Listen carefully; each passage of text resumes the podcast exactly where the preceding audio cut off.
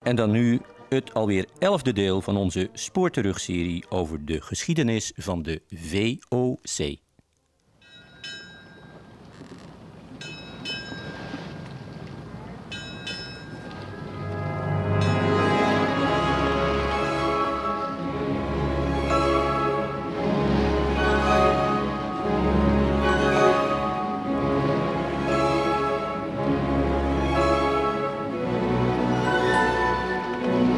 De Loffelijke Compagnie. Azië in Nederland.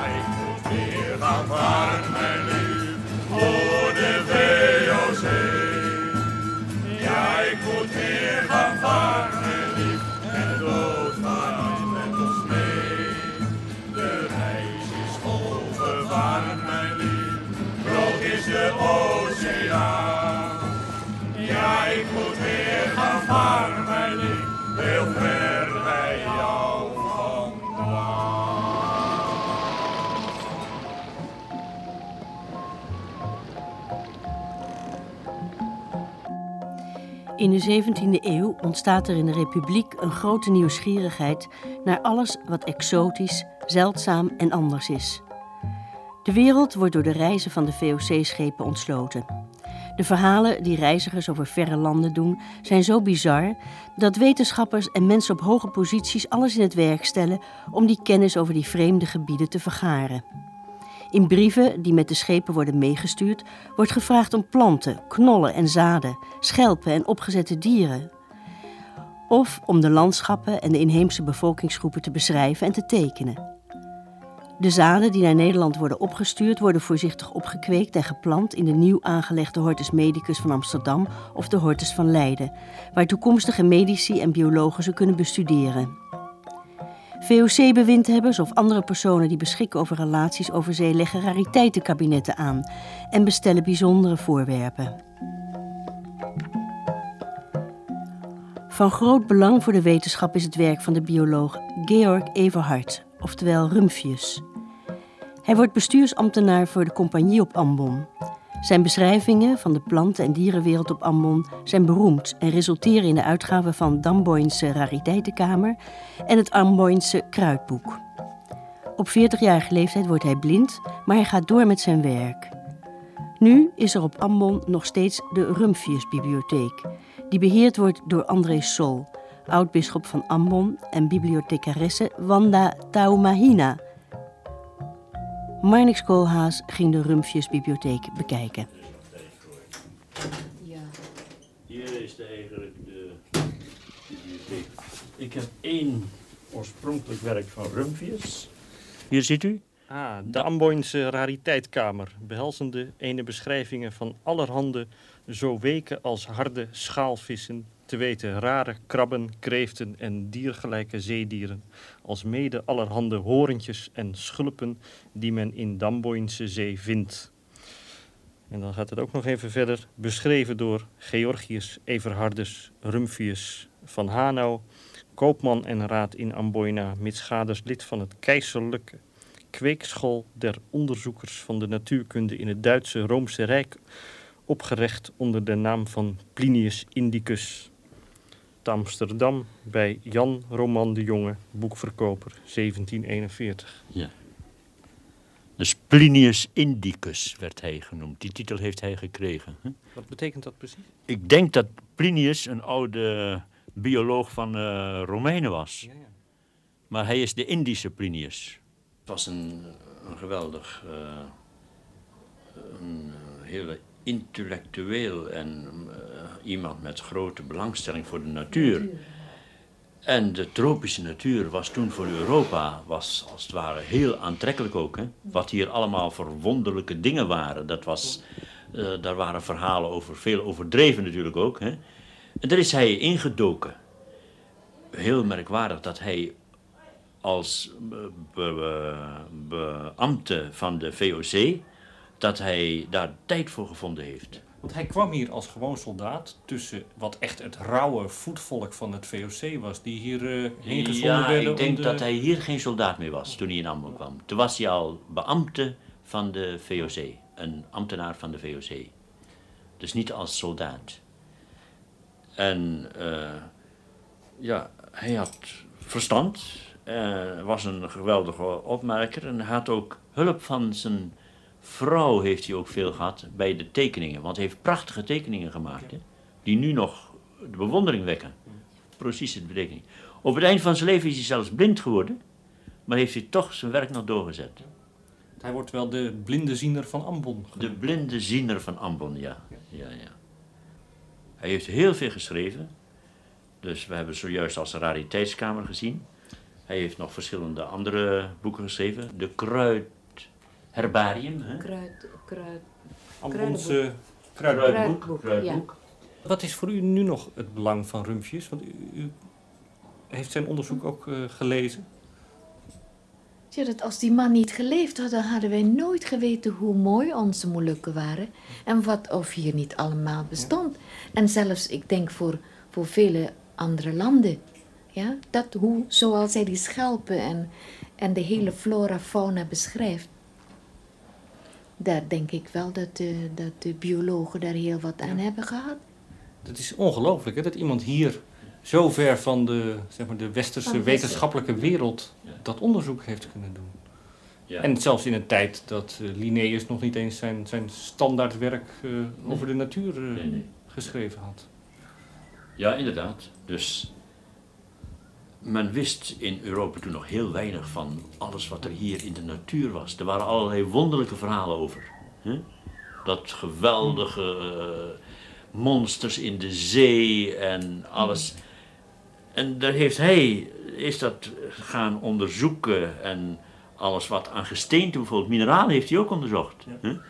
Dus het was, in Europa was dat een heel interessante ontdekkingsreiziger als het ware over de tropische natuur. Men, wat wist men toen van de tropische natuur af? Nog heel weinig. Zo zagen wij met een sloep van Pulo Ai in Banda naar Amboina varende, een zee de welke bezaaid was met holoturia, oftewel bezaantjes. Zijn de schaaldieren die op hun rug vele velletjes dragen als zeiltjes en deze oprichten en ermee voor de wind zeilen. Het lijf is van kleur doorschijnend, alsof er een kristallijne fles met dat groen-blauwe aquafort, het welk men aqua regis noemt, gevuld was. De zeiltjes zien uit als kristal en het bovenste zoompje heeft wat purper of violet. Schoon om aan te zien, alsof het gehele dier een kostelijk juweel was.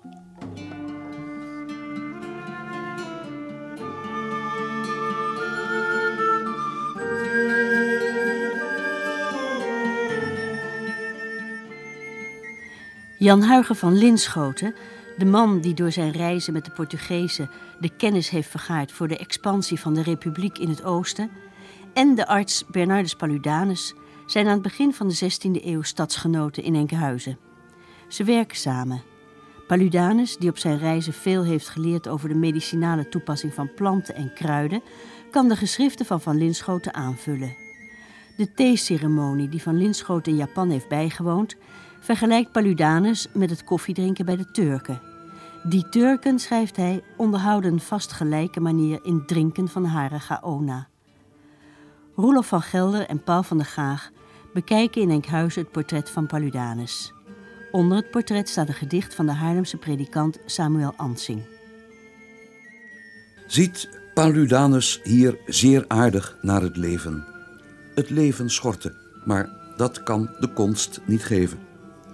Een oud aanzienlijk heer, een vroom godzalig man, een meester in de konst die het kwaad genezen kan den vorsten lief en waard, die zelfs van keizerswegen het hoognotarisambt ter ere heeft verkregen. Wat hoven en wat steden, wat landen en wat lieden en heeft hij niet bezocht, doorreisd en doorgezien. Hij heeft een grote trek tot alle vreemde zaken. Komt gij bij hem zien, dat kan u daar vermaken. Een vorstenschat en lust, zo is zijn naam vermaard en zijn gedachte bij groot en klein bewaard. Paludanus, die heette eigenlijk uh, niet Paludanus, maar Berend ter Broeke. dat was een arts, dat was de stadarts van uh, Enkhuizen. En voordat hij hier kwam in, in, 16, in 1586 heeft hij enorm veel gereisd in Oost-Europa, in Midden-Europa. Heeft het Heilige Land bezocht. Hij is in Egypte geweest en in Syrië. En op die reizen heeft hij ontzettend goed uit zijn ogen gekeken. Maar wat hij ook heeft gedaan is het verzamelen. Hij heeft heel veel uh, souvenirs meegenomen. Uh, gesteentes, opgezette dieren, uh, munten, antiquiteiten. En wat hij op zijn reis ook gezien heeft, is iets wat in Europa vrij nieuw was. rariteitenverzamelingen, grote collecties van uitheemse zaken. Die heeft hij veel in Italië gezien en in Wenen en in Praag. En toen hij hier kwam en zich vestigde als stadsarts, is hij zelf zo'n verzameling op gaan zetten. Dus naast zijn artsenpraktijk is hij een, een je kan zeggen, beroepsverzamelaar geworden. En hij heeft in Nederland de allereerste uh, grootschalige rariteitenkamer aangelegd. Hier in zijn woonhuis in Enkhuizen. En dat is zo'n jaar of 30, 40 een absolute must geweest voor alle reizigers. Eh, niet alleen de mensen die eh, eventjes in Enkhuizen kwamen, maar ook mensen die de Republiek bezochten. Eh, maar wat natuurlijk zo aardig was in een stad als Enkhuizen, er kwamen per jaar toch altijd wel weer een, een drie, vier, vijf schepen uit de oost en ook uit de west trouwens in de haven lopen met een bemanning. En die bemanning had een kist en in die kist zaten allerlei interessante zaken zoals uh, schelpen of opgezette dieren, paradijsvogels. En Paludanus wist dat. En het verhaal gaat dat hij dan al op de dijk hiervoor uh, liep de ijsberen en verschrikkelijk nieuwsgierig was om... ja, hij wilde de eerste zijn om die matrozen te vragen, heb je iets bijzonders bij je? Zo ja, dan wil ik daar graag voor betalen en uh, uh, kom maar mee. Ja, en dat werd natuurlijk ook weer bekend en dan namen ze ook dingen voor hem mee. Precies, ja. ja. Dus de matrozen die hier vandaan vertrokken, die zal hij wel eens geïnstrueerd hebben. Om, om, om bepaalde planten mee te nemen of, of, schelpen te zoeken. Die belangstelling van hem is ook te verklaren vanuit zijn eh, geneeskundige achtergrond en zijn mm. beroep. Het was niet alleen voor de uh, nieuwsgierigheid en de, de, de fraaiheid van die zaken, maar het ging ook om, om, om de farmacie en de botanie. Mhm. Je ziet dat hij in zijn rechterhand een plantje houdt. Mhm. Dat is wat donker geschilderd. Ja. En dat is het zogenaamde peperboompje. En dat is, een, dat is niet het boompje waar wij de peper vandaan halen, maar een ander, ander uh, gewas. En dat is uiterst giftig. Maar dit portret wil zeggen, in de handen van Paludanus, betrouwbaar geneesheer, is dat veilig. Hij weet verdomd goed wat hij daarmee wil, wat hij doet. En, en, was die verzameling van hem ook nuttig voor, de, voor, voor, het niveau van de wetenschappelijke kennis? Eh? Nou, er kwamen wel mensen vanuit de universiteit, de Leidse universiteit, kijken.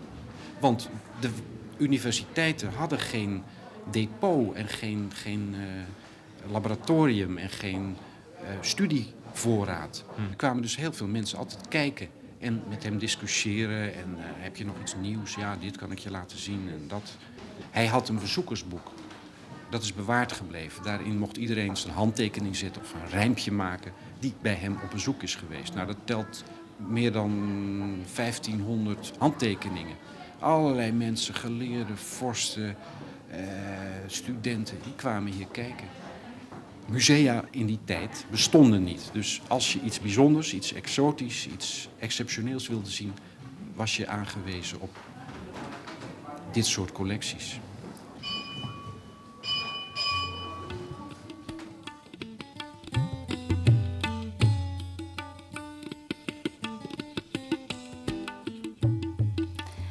Rond 1690 arriveert de Duitse arts Paul Hermann op een VOC-schip in de stad Colombo op Ceylon. Daar wordt hij directeur van het VOC-ziekenhuis, waarin vooral zieke matrozen en soldaten worden verpleegd. Voor de inheemse bevolking en de zogenaamde burgers, Europeanen die zich op Ceylon gevestigd hebben, is geen plaats.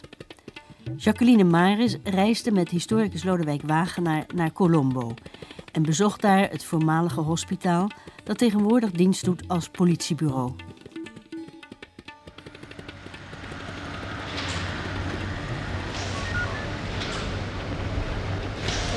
spot waar we gekomen Ja, zijn. ja. We staan hier tegenover de Bank of Ceylon. Dat is een wolkenkrabber. Hier wordt net tegenover ons ook een soort wolkenkrabber gebouwd. En daarnaast weer een. Drie mooie ronde torens. Nou ja, wat je mooi noemt. Maar dat is zomaar op het oude fort. Het is een historische Ja, plek. we- we staan hier, eh, moet ik even zeggen, omringd door politiemannen. En hiervoor staat een andere politieman zijn auto te poetsen. Er ligt een eh, hondje hier heel hevig te slapen, ondanks de bouwwerkzaamheden op de achtergrond. Maar dit is dus een historische plek. We staan hier voor het oude hospitaal. Ja, het eh, Nederlandse hospitaal waar de VOC haar personeel, met name sol- soldaten, dienaren van de com- compagnie in, in herbergde.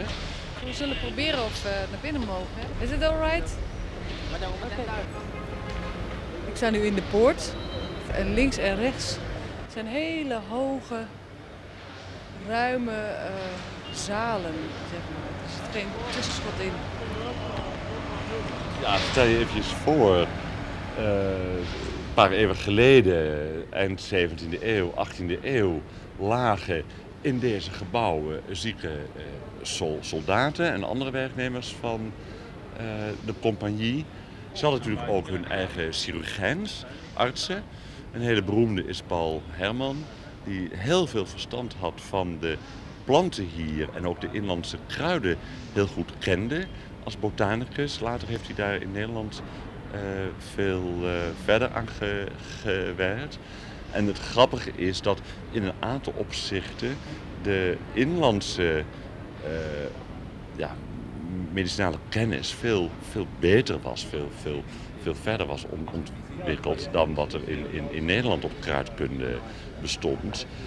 Hij deed er onderzoek naar. Eh, hij heeft ontzettend veel eh, bezoeken afgelegd in het binnen- binnenland. Heeft kruiden verzameld, planten verzameld. Maar zijn belangrijkste kracht lag in het, in het, in, in het drogen van planten. Opdat daar verder onderzoek naar gedaan kon worden in, in Nederland. Maar er werden ook inderdaad zaadjes vervoerd door de compagnie. Die in tasjes, wij zouden gewoon zeggen dozen, naar eh, Nederland gingen en terecht kwamen in de hortus van Leiden en in de hortus medicus van Amsterdam. Andere plekken. Herman was een van de mensen die echt uit, uit wetenschappelijke belangstelling zijn kans schoon zag en, en hier zijn werk deed. En geweldig heeft verzameld. En het aardige is dat wat hij in herbaria heeft eh, verzameld, nu verspreid over Leiden, Londen, eh, Botha in Duitsland, eh, destijds de basis is geweest ook voor Linnaeus, de Zweedse Carl van Linné, voor de opzet van zijn nieuwe taxonomie, dus de, de, de verdeling van de soorten planten, dieren eh, en, enzovoort. Dus Her- Herman heeft een geweldige bijdrage geleverd, maar heeft bovendien ook hele leuke dingen gedaan. Want niet alleen heeft hij planten gedroogd, maar hij heeft ook in Sri Lanka getegend. Hij heeft ook getegende herbaria. En daar zie je bijvoorbeeld kaneeltuinen met mensen aan het werk. Eh, kaneelschillen, eh, snijden, inpakken, eh, grote robes, bundels van kaneel die we ook wel uit andere plaatjes en uit archiefdocumenten kennen. En hij heeft ook een prachtige tekening gemaakt van een, een kokostuin. Wij zouden zeggen een, een, plantage met, met kokosbomen. Eh, veel burgers in Sri Lanka, dus in, in, in de kustgebieden, hadden zo'n tuin waar ze uit eh, het sap van de kokosbloem toddy haalden en dat distilleerden tot arak. En dat werd nogal wat verkocht in de kustplaatsen aan, aan, aan VOC-soldaten. Het ging ook mee met de schepen trouwens. En dankzij die unieke tekeningen van Paul Herman, deze zijn overigens in Londen in het eh, Natural History Museum, kan je het opeens voorstellen en zie je ook heel praktisch die verschillende fasen van eh, het maken daarvan en wie daarbij betrokken zijn. Een Hollander, en ja hoor, met een hoed. En ja hoor, kijk maar, met een pijp in zijn mond, in zijn hand. Maar het is wel heel grappig, dat die streng gereformeerde Hollanders, dat er, dat er mensen zijn geweest die eh, drank gingen verkopen. Ja, dat is natuurlijk eh, de, de, de letteren. De, eh, hè? Ja, dat, maar je kon weinig anders doen. Het was wel zo dat als de kerkdienst was begonnen, dat de drankverkoop even werd gestopt. En de kroegen gingen dicht totdat de preek voorbij was.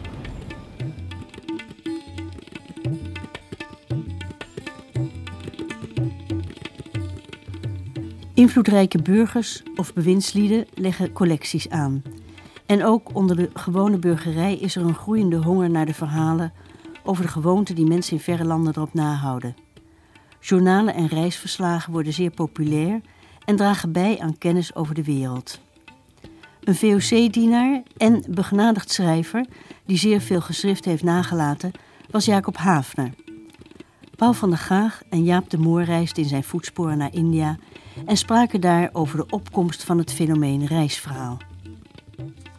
En dat begon heel eenvoudig al met het scheepsjournaal. Ik bedoel, elke kapitein van de VOC moest zo'n journaal bijhouden... waarin werd aangetekend wat er onderweg werd gezien en meegemaakt. En in het overgrote deel van de gevallen zijn dat natuurlijk pure scheepvaartkundige of nautische aantekeningen over het weer en de koers. Maar als een soort van uitgroeisel ervan krijg je toch ook al gauw mensen die er iets meer van maken. En die uh, wat meer ingaan op de dingen die ze beleven met de mensen over zee. Of merkwaardige ontmoetingen of gebeurtenissen of merkwaardige steden die ze bezoeken.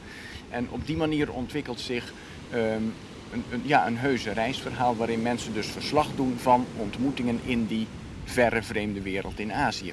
Ja, en dat reisverhaal wordt ontzettend populair in Nederland. Ja, dat wordt zeker uh, een van de populairste, misschien wel het populairste genre wat er in de 17e en 18e eeuw bestond. Er was een enorme markt voor. Het meest populair was natuurlijk Bontekoe, dat tientallen malen is herdrukt. En dat was typisch zo'n verhaal in die vroege traditie over een avontuurlijke zeereis. Vele gevaren op zee, uh, stormen, uh, ontsnappingen aan de dood. Zo, dat is een beetje het vroege uh, reisverhaal dat zich vooral op zee afspeelde en, en in de havens.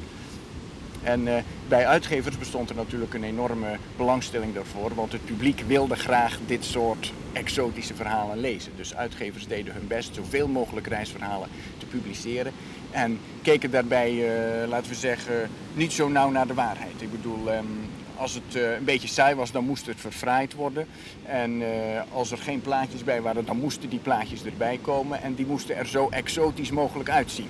Hè? Dus ja. um, het appelleerde aan uh, de smaak van het publiek naar bizarre verhalen uit die verre vreemde ja. wereld. Avontuur, gevaar, Avontuur, romances. gevaar, precies. Ja. ja. ja. Maar dat gaf dus eigenlijk een verkeerd beeld van hoe dat leven werkelijk was van de gemiddelde doorsnee man of vrouw die met een VOC-schip meeging. Ja, dat klopt. Um, het hoeft niet helemaal verkeerd te zijn, maar um, er werd natuurlijk wel veel bijgefantaseerd en aan toegevoegd.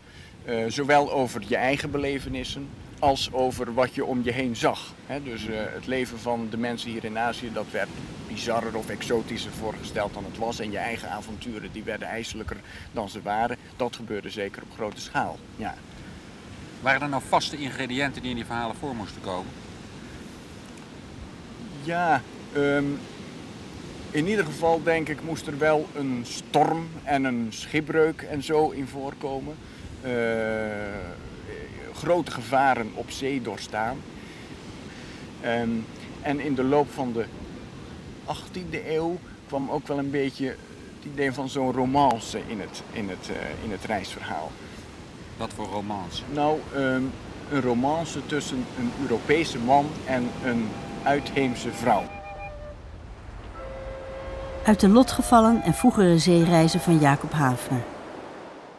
Op de Kaapse bergen groeit een soort van zeer welriekende bolplant, waarop de vrouwen al daar zeer gesteld zijn, en dezelfde gedroogd tussen haar linnen en klederen leggen.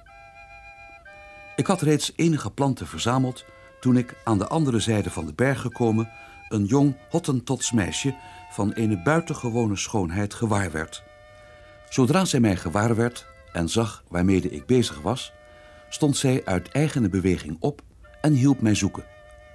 Een genoegzame hoeveelheid verzameld hebbende en vermoeid van de hitte en het klauteren, ging ik zitten uitrusten, waarop zij zich dadelijk zonder de minste vrees aan mijn zijde plaatste, mij den doek waarmede ik mijn bezweten borst droogde uit de handen nam en met een ogenschijnlijk vermaak daarmede over mijn aangezicht streek. Buiten het walgelijke mengsel van vet en roet waarmee zij, even als alle anderen van haar natie, bestreken was, was zij het bekoorlijkste en fraaist gevormde vrouwenbeeld dat men zich met mogelijkheid voorstellen kan. Zij volgde mij tot halfweg den berg, waar zij mij staande hield en in ene vlakte het kamp van de bezending harer natie toonde. En tevens door tekenen deed verstaan van mij de volgende dag vroegtijdig weder op dezelfde plaats te laten vinden. Ik denk dat het reisverhaal ehm, misschien wel de belangrijkste bron was in de 17e en 18e eeuw.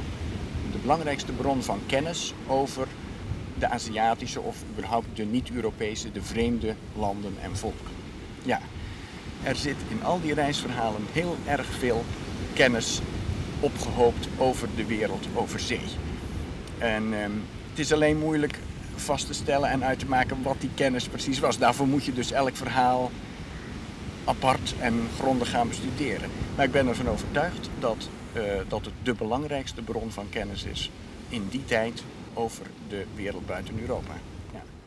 Ik bracht haar mede veel zit en goed. Ik bracht haar mede veel zit en goed. In de intra-Aziatische handel van de VOC worden prachtige stoffen uit India gehaald en verhandeld in bijvoorbeeld Thailand en Indië. Al gauw ontstaat er ook in Patria vraag naar de sitsen uit India.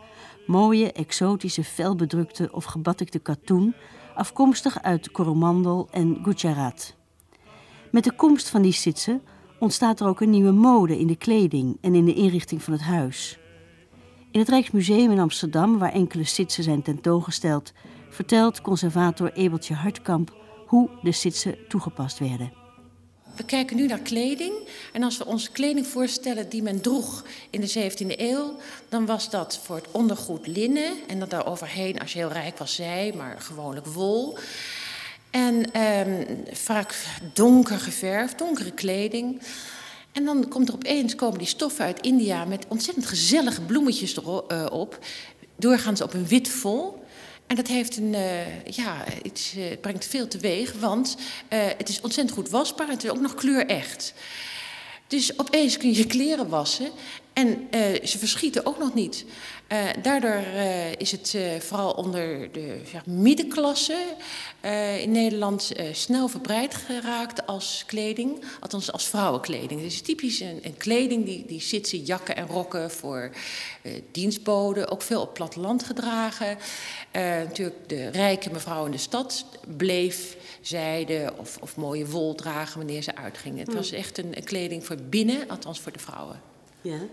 En um, men ging het ook in klederdrachten gebruiken? Juist, ja, heel veel. Het is vooral aan de Zuiderzeekusten. En we zien het vandaag de dag nog in uh, Spakenburg-Bunschoten. Daar zie je nog die lekkere kraplappen. Uh, die zijn van Sits of dan de navolgingen daarvan in Europa, bedrukte katoen. Uh, het is ook heel populair geweest in hinderlopen. Dat kent iedereen ook wel. Die klederdracht is uitgestorven. Maar daar hebben we nog wel een herinnering aan. Dus vooral langs de Zuiderzeekust, in Friesland, in Groningen is het heel veel gedragen als klederdracht. En wat ook eh, geïntroduceerd wordt in Nederland is de Japanse rok. De Japanse rok is een heel curieus verhaal. Uh, men voerde aanvankelijk Japanse rokken, lange mannenjassen, die ook wel door vrouwen konden worden gedragen, maar doorgaans door mannen, uit uit Japan. Uh, eerst als geschenken, maar daarna komt er een zekere export op gang vanuit Japan, dus Nagasaki, waar de VOC ook een vestiging had, naar Nederland. Dat zijn een hele mooie gewatteerde zijden jassen. Maar handelaren als de VOC-ambtenaren uh, waren, bedachten ze: wacht even, we kunnen dat goedkoper in India laten maken. Dus de Japanse rok wordt nagemaakt in India voor de Nederlandse mannen met exotische dessins, soms heel Japans, soms heel Indiaas, heel rijke dessins, zodat de mannen als het ware als papegaaien over straat moeten hebben gelopen. En er is zelfs een. Uh, ja, een, een, een, plakkaat, een verbod bekend uit Leiden uit de 18e eeuw, waar men uh, verbiedt om in Aziatische dracht alsmaar op straat te lopen, omdat men dat kennelijk gek eruit vond zien. Maar je ziet aan zo'n verbod dat het gebeurde.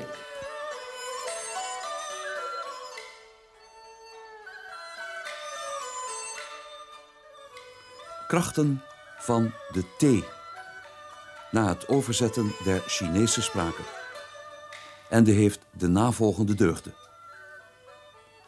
zuivert het grove bloed, verdrijft de zware droom, verlicht de hersenen van zware dampen, verlicht en geneest alle duizelingen en pijnen des hoofds, is zeer goed voor waterzucht, verdroogt de vochtige katarnen des hoofds, doet de vrezen wijken. Het verdrijft alle pijnen des kolieks dat van winden zijn oorsprong heeft. Het is goed tegens de windige gebreken des lijfmoeder. Het versterkt alle inwendige delen en de verterende krachten. Scherpt het vernuft. Het versterkt de memorie. Het verwakkert het verstand. Het purgeert zachtelijk de gallen. Het sterkt venushandel, dienstig voor nieuw getrouwden. Het lest de dorst. In China en Japan leren de Hollanders veel over kruiden die daar al eeuwenlang als medicijnen worden gebruikt. Ook van thee zou een zuiverende kracht uitgaan. In de Republiek ontstaan hevige discussies hoe gezond of hoe slecht thee zou zijn. Maar rond het einde van de 17e eeuw raken thee en koffie erg in zwang. De schepen uit China, beladen met thee, zijn te licht. Er moet ballast mee. En dat gebeurt in de vorm van porselein. Het gebruiken en het verzamelen van porselein wordt in de Republiek en in heel Europa een ware rage. Zij die het zich kunnen permitteren, bestellen porselein met een speciaal dessin, het zogenaamde chine de commande. Een aantal jaren geleden werd het gezonken schip de Geldermalsen gevonden op de bodem van de oceaan, volgeladen met porselein. In een klein aquarium in de vloer van het Groninger Museum kun je zien hoe dat porselein in het schip werd aangetroffen.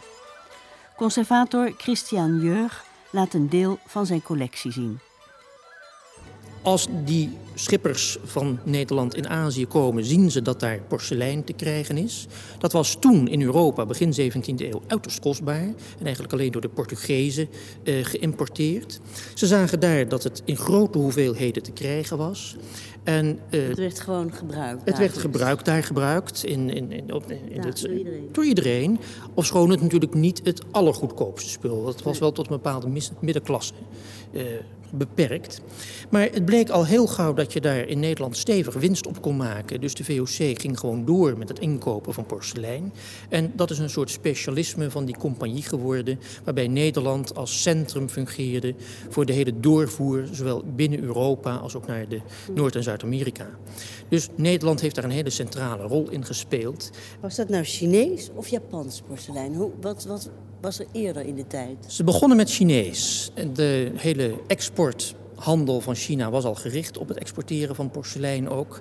Dat kwam men dus het eerst tegen. Maar zo rond 1645, 50 is er burgeroorlog in China. De Ming-dynastie gaat over naar de Qing-dynastie. En de hele handel en de aanvoer van porselein wordt belemmerd. En dan is het heel leuk dat je twee ontwikkelingen ziet. Aan de ene kant gaat de VOC overswitchen naar Japan om daar de lokale porseleinindustrie te stimuleren, zodat ze daar hun spullen vandaan kunnen halen. En aan de andere kant zie je in Nederland dat ze op dat tekort reageren, doordat de aardewerkfabrieken in Delft dat gat in de markt gebruiken door hun eigen product te ontwikkelen en als imitatie Chinees porselein op de, aan de man te willen gaan brengen. Nou heb ik begrepen dat er ook uh, families, Nederlanders hier waren... die een, een bestelling plaatsten in, uh, in China of Japan... met een uh, speciale afbeelding of ze werden zelf afgebeeld. Hoe ging dat in zo'n jaar? Nou, dat is inderdaad een van de leuke onderdelen van dat hele vak. In het begin richtte men zich vooral op het wapenporselein. Dus bestelde men borden en schotels met het familiewapen. Dat was natuurlijk heel chic om dat op je tafel te hebben uit dat verre China. Maar later werden er behalve wapens en familiewapens ook andersoortige afbeeldingen gebruikt. Bijvoorbeeld uit de mythologie of uh, een, een gezicht op Amsterdam of uh, zomaar een of andere merkwaardige erotische voorstellingen zijn vaak gebruikt. Echt voor speciaal privé gebruik. Ja. Of om er een leuk handeltje mee te maken. Bijvoorbeeld de opvarenden van de schepen, de kapitein en de officiers, die maakten graag gebruik van de gelegenheid om zelf wat te investeren en heel bijzonder porselein te bestellen, wat juist niet door de VOC werd gekocht. Dit is een vitrine die we dan maar de VOC-vitrine noemen, omdat er allerlei aspecten in vertegenwoordigd zijn, waarin je kunt zien hoe er besteld werd speciaal voor een bepaalde klant of met een bepaalde souvenirachtige achtergrond. Er is daar een bord met schepen die voor Kaap de Goede Hoop voor anker liggen. Daar heeft een prentmodel gestaan voor de Chinese porseleinschilder. En je ziet dus een aantal van die boten tegen de Tafelberg aan. En dat heeft iemand gewoon als, ja, als souvenir van zijn reis heeft hij dat meegenomen. Daarvoor staat een klein kommetje uit het eind van de 18e eeuw. En als je nou goed kijkt, dan zie je daar acht verschillende soorten randjes opgeschilderd. Dat is een heel zeldzaam stuk, dat is een model wat in de Chinese porseleinwinkel stond opgesteld. En als klant kon je dan aanwijzen, kijk, ik wil dat soort randje hebben op mijn servies. En dan kon die Chinese winkel dat doorgeven aan de fabrieken. En dan kreeg je je servies precies zoals je dat hebben wou met dat specifieke randje. De interieurs van de huizen werden niet alleen lichter, maar ze werden nu rijk gedecoreerd met het porselein uit China en Japan. In de zogenoemde stijlkamer van het museum De Prinsessenhof in Leeuwarden laat Riemer Riemersma aan Jacqueline Maris zien hoe de 18e-eeuwse rijke burger zijn huis inrichtte en met zijn porselein pronkte. In de 18e eeuw had men de gewoonte om de haardpartij te verdelen in de bovenste helft een portret van een landschap of van een, uh, van een portret dus, van een meneer of een mevrouw. In het midden werkte men dan met spiegels, wat sowieso in de 18e eeuw heel erg in was om de ruimte optisch te vergroten. Met ook weer kleine Chinese vaasjes uh, ja, wat dus in de, Wat in de mode raakte, was dat je behalve die spiegel, dat rond die spiegel een, een houten belijsting met, met consoles, dat zijn die kleine dingetjes. En daar konden dan kleine potjes en vaasjes op staan van Chinees porselein. Ja, en daaronder staat dan in de schouw zelf een enorme vaas omringd door kleinere. Met Chinese afbeeldingen. Dat is dus uh, Chinees porselein inderdaad. Twee vazen en een hele grote dekselpot. Ja. En hier nog twee kasten maar liefst boordevol uh, porselein. dit is echt representatief. Ja hoor, dit is echt representatief voor die tijd. Uh, men ontwikkelde toen het porselein hier in Nederland terechtkwam speciale meubels om ja, dat porselein daarin te bewaren, zou je kunnen zeggen. Maar vooral ook om ermee te kunnen pronken. Want wat opvallend is, is dat uh, het een helemaal een open kast is met glas. Dus dit is niet dichtgemaakt. Dus mensen kunnen heel goed zien wat erin staat. En als je nou eens kijkt naar die planken bijvoorbeeld, dan zie je ook dat aan de achterzijde zijn er richels uitgesneden, waardoor een bord er rechtop in kan staan. En ja, dat... De porseleinkast. De porseleinkast, precies, ja.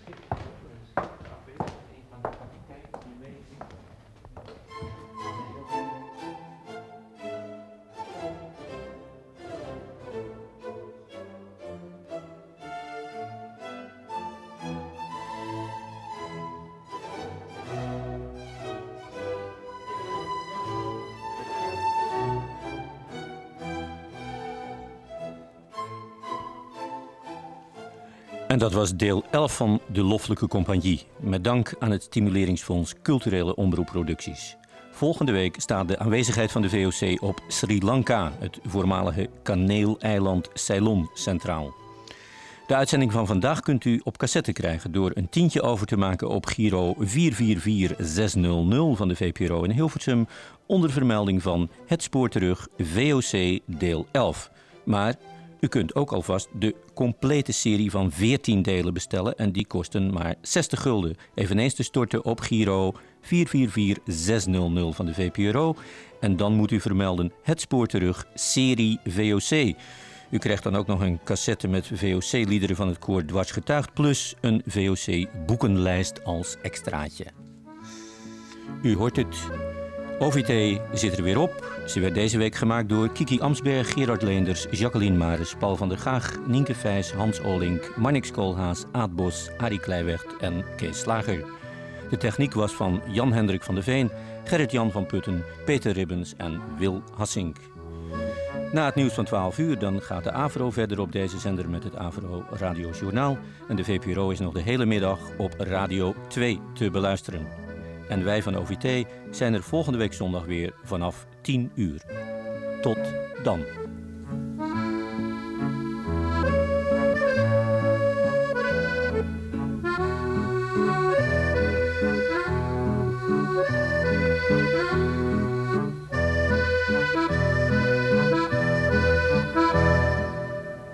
En daarmee, geachte luisteraars, laat ik u over aan de verpozing die de radio u plicht te bieden.